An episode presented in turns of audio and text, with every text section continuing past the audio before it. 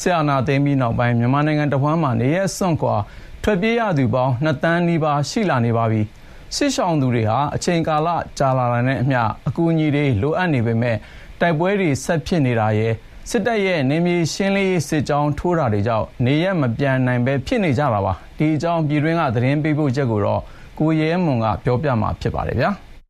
မြန်မာနိုင်ငံတဝန်းမှာ ပြည်တွင်းနေရစွန့်ခွာသူဦးရေ2တန်းနီးပါး ရှိလာပြီလို့ လူသားချင်းစာနာမှုဆိုင်ရာ ညှိနှိုင်းရေးယုံ UNOCHA က ထုတ်ပြန်ထားပါတယ်။အဲ့ဒီတဲက1.8တန်းဝန်းကျင်ဟာ စစ်အာဏာသိမ်းပြီးနောက် ပြည်တွင်းထဲ ထွက်ပြေးတိမ်းရှောင်နေရတဲ့ အရေးအတွက် ဖြစ်ပါတယ်။တိုက်ပွဲတွေကြောင့် ကယားပြည်နယ် အထူးသဖြင့် ဖရူဆိုမြို့နယ်မှာဆိုရင် ဒေသခံအတော်များများ ထွက်ပြေးတိမ်းရှောင်နေရပြီး သူတို့အတွက် အမိုးအကာ စားနပ်ရိက္ခာနဲ့ အခြားသော အခြေခံပစ္စည်းတွေ အရေးပေါ် လိုအပ်နေတယ်လို့ UNOCHA က ဆိုပါတယ်။ ကယားပြည်နယ်ဒေသအခေါ်ကရင်နီပြည်စစ်ဘေးရှောင်ကူညီစောင့်ရှောက်ရေးကွန်ရက်တာဝန်ခံကတော့သူတို့ဒေသရင်းကစစ်ရှောင်သူတွေဟာ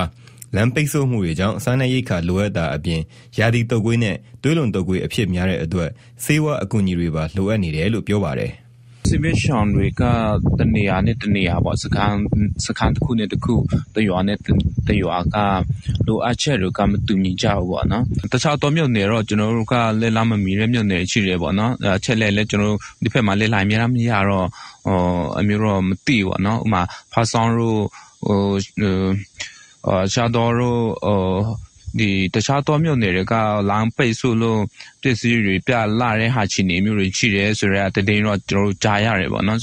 ကယားပြည်နယ်က အဓိကလမ်းတွေကို ပြီးခဲ့တဲ့ စက်တင်ဘာလနောက်ပိုင်းကစပြီး စစ်ကောင်စီက ပိတ်ဆို့ထားတာကြောင့် ရှမ်းကယားနယ်စပ်တလျှောက်မှာရှိတဲ့ကြေးရွာတွေက ဒေသခံတွေဟာ လူမှုကယ်ဆယ်ရေးပစ္စည်း ပြက်လက်နေကြသလို လူသားချင်းစာနာမှု အကူအညီလည်း မရပဲဖြစ်နေတာပါ တိုက်ပွဲတွေ မပြတ်ဖြစ်ပွားနေတာကြောင့် အသွာအလာ မလုံနိုင်ကြသလို နှစ်ဖက်တိုက်ပွဲမရှိတဲ့အခါမျိုးမှာလည်းရွာတွေတဲကိုစစ်ကောင်စီရဲ့စစ်ကြောင်းထိုးဝင်ရောက်မှုတွေကြောင့်ကိုရွက်ကိုရွာမှာမနေရဲကြပဲထွက်ပြေးတိမ်းရှောင်နေကြရတယ်လို့ဒေသခံတွေကပြောပါတယ်။တနင်္လာရီတိုင်းရေပြူမြို့နယ်မှာဆိုရင်လည်းစစ်ကောင်စီကရွာတွေတဲစစ်ကြောင်းထိုးတာတလားနီးပါးရှိလာပြီးဒေသခံရွာသားတွေလည်းအိမ်မပြန်ရဲဖြစ်နေတယ်လို့ဒေသခံသူကပြောပါတယ်။ဟိုရေပြူဘက်ကစစ်ကြောင်းထိုးလို့ရှိရင်တော့သူကတလားလုံးနီးပါးရှိသွားပြီပဲနော်။အဲ့ဒါကိုဟိုတစ်ဖွဲတစ်ဖွဲလာလိုက်သွားလိုက်နဲ့ထိုးနေတာ အခုက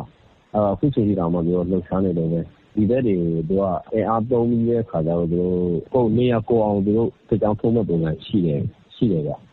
မြန်မာနိုင်ငံ တနင်္သာရီတိုင်းနဲ့ ကယားပြည်နယ်တွေမှာတော့မက ကရင်ပြည်နယ် ရှမ်းနဲ့ ချင်းပြည်နယ်တွေအပြင်စကိုင်းတိုင်းထဲမှာလည်း စစ်ကောင်စီရဲ့ နယ်မြေရှင်းလင်းရေးတွေကြောင့် တချို့ဆို ရွာလုံးကျွတ် အိုးအိမ်စွန့်ခွာ ထွက်ပြေး တိမ်းရှောင်နေကြရတာလည်း ရှိပါတယ်။ UNOCHA ရဲ့အခုနောက်ဆုံးထုတ်ပြန်တဲ့စာရင်းမှာတော့မြန်မာနိုင်ငံမှာပြီးခဲ့တဲ့စက်တင်ဘာလ26ရက်ကနေအောက်တိုဘာ1ရက်နေ့အထိလက်နက်ကင်တိုက်ပွဲတွေကြောင့်နိုင်ငံတော်ဝန်မှာလူပေါင်း18000နီးပါးအိုးမဲ့အိမ်မဲ့ဖြစ်ခဲ့ပြီးနေရဲစွန့်ခွာထွက်ပြေးကြရတယ်လို့ဖော်ပြထားပါတယ်။ဒီအိုးအိမ်စွန့်ခွာထွက်ပြေးရတဲ့ဒုက္ခသည်တွေအပါအဝင် 2023ခုနှစ်လူသားချင်းစာနာမှုဆိုင်ရာတုံ့ပြန်ကူညီမှုအစီအစဉ်အတွက်ကုလသမဂ္ဂကတောင်းခံထားတဲ့ရန်ပုံငွေကလည်းအခုချိန်ထိ28ရာခိုင်နှုန်းသာရရှိသေးတာကြောင့်အကူအညီတွေပေးကြဖို့လည်းပန်ကြားထားတာဖြစ်ပါတယ်ခင်ဗျာ။